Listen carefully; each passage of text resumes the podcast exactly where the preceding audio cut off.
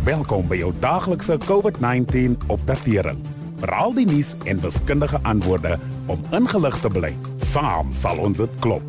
Aangebied deur die Departement van Gesondheid en SABC Radio. Die tydelike werkgewer-werknemer verligtingskema is in die lewe geroep om die impak van COVID-19 op werkers, besighede en die ekonomie te beperk. Hierdie spesiale inkomstebeskermingsskema het miljoene gesinne gehelp om die las te dra wat met die verlies van 'n werk gepaard gaan.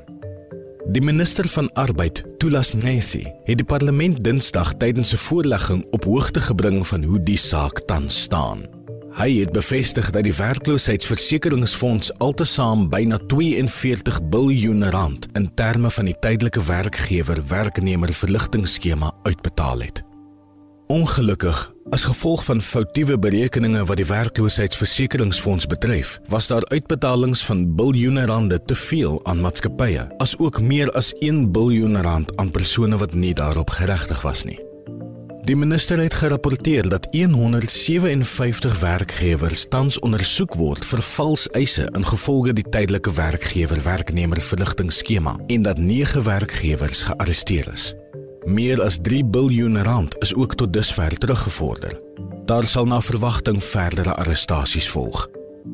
Drie baie senior uitvoerende hoofde van die werkloosheidsversekeringsfonds is ook uit hulle poste verwyder. Die minister het aan die parlement gesê hoewel daar geen aanduidings was dat hulle by onregmatige aktiwiteite betrokke was nie, dit hulle plig was as uitvoerende hoofde om toe te sien dat die tydelike werkgewer-werknemer verligtingskema se stelsel korrek werk. Hulle moet dus vir die tekortkominge verantwoordelik gehou word. Elke sent wat van die spesiale fondse vir COVID-verligting gesteel word, skep 'n risiko vir ons land se mense. Verder stel persoonlike beskermingstoerusting en fondse wat gesteel word, die lewens van pasiënte en werkers in die voorste linies in gevaar. Vandag gesels ons met ons gas oor die stappe wat gedoen word om hierdie soort korrupsie uit te roei. Ons kan ook help om korrupsie te beveg waar ons dit ook al teenkom. Aan die einde van hierdie insetsel kan jy op die Sikaba COVID-19 Facebook bladsy meer te wete kom oor hoe om dit aan te meld. Jy sal ook daar die name van verskeie anti-korrupsie en vletjieblaas eenhede se webwerwe vind. Nou ja, dis 'n saak wat baie mense na aan die hart lê en om daaroor te gesels sê ons goeienaand aan Janine Erasmus. Sy is van Corruption Watch. Janine, waar kom hierdie fondse vandaan en waarvoor was dit bedoel?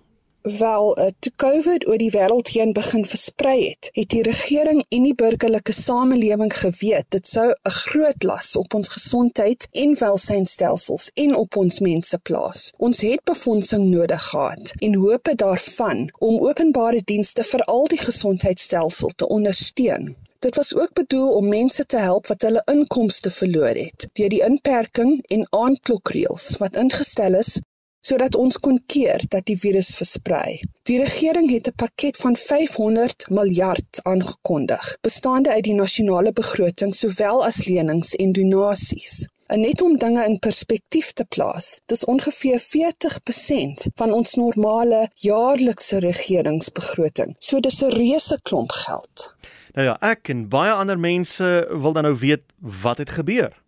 Ja, daar was sommer gou al berigte oor korrupsie en wanbestuur van die noodlenigingsfondse. Dit het die nasie geskok, veral omdat dit bedoel was om weerlose mense in 'n noodsituasie te help. President Ramaphosa het die ouditeur-generaal, oftewel OG, gelas om sommige COVID-noodlenigingsprojekte te audit. Die OG is 'n onafhanklike liggaam wat ook ander staatsbesteding en begrotings ondersoek. Hulle rol is om ons grondwetlike demokrasie te beskerm wat beteken dat hulle onafhanklik is en dat hulle die regering self dophou. Die OG se eerste verslag hieroor is in September gepubliseer.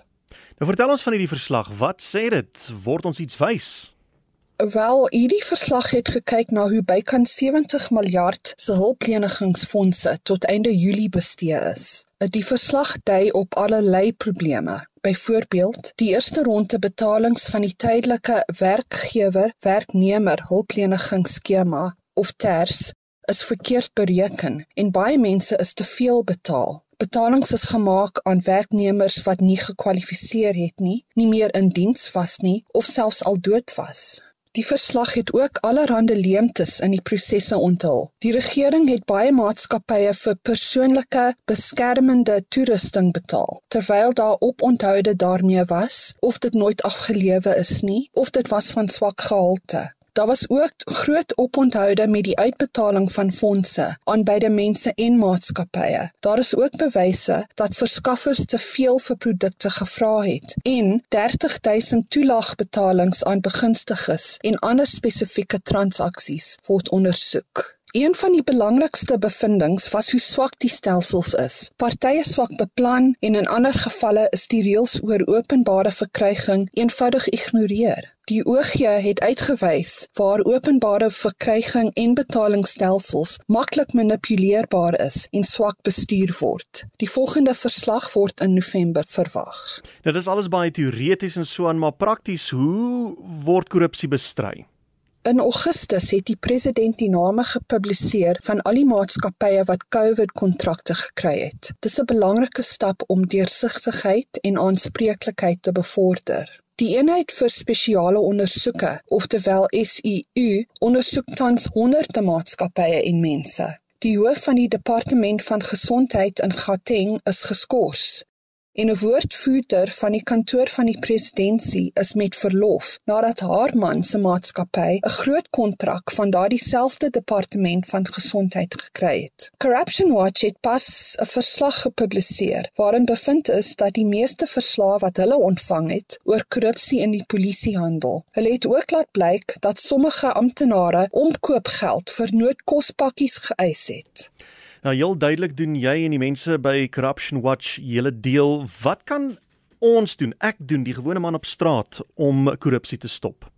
Ja, die verandering van die kultuur rondom korrupsie is 'n nasionale probleem en ons almal moet krities na ons eie optrede kyk en slegte gedrag uitwys as ons dit sien. Ons moet ons oë oopmaak vir die uitwerking wat korrupsie op mense se lewens het en daaroor praat. Elke rand wat gesteel is, van geld wat vir beskermende toerusting bedoel is, het byvoorbeeld 'n frontwerker in gevaar gestel. Kry meer inligting oor korrupsie op die Corruption Watch webwerf by corruptionwatch.org.za.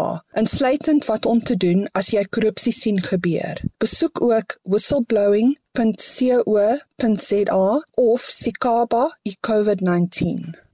Dankie, dit was Janine Erasmus van Corruption Watch.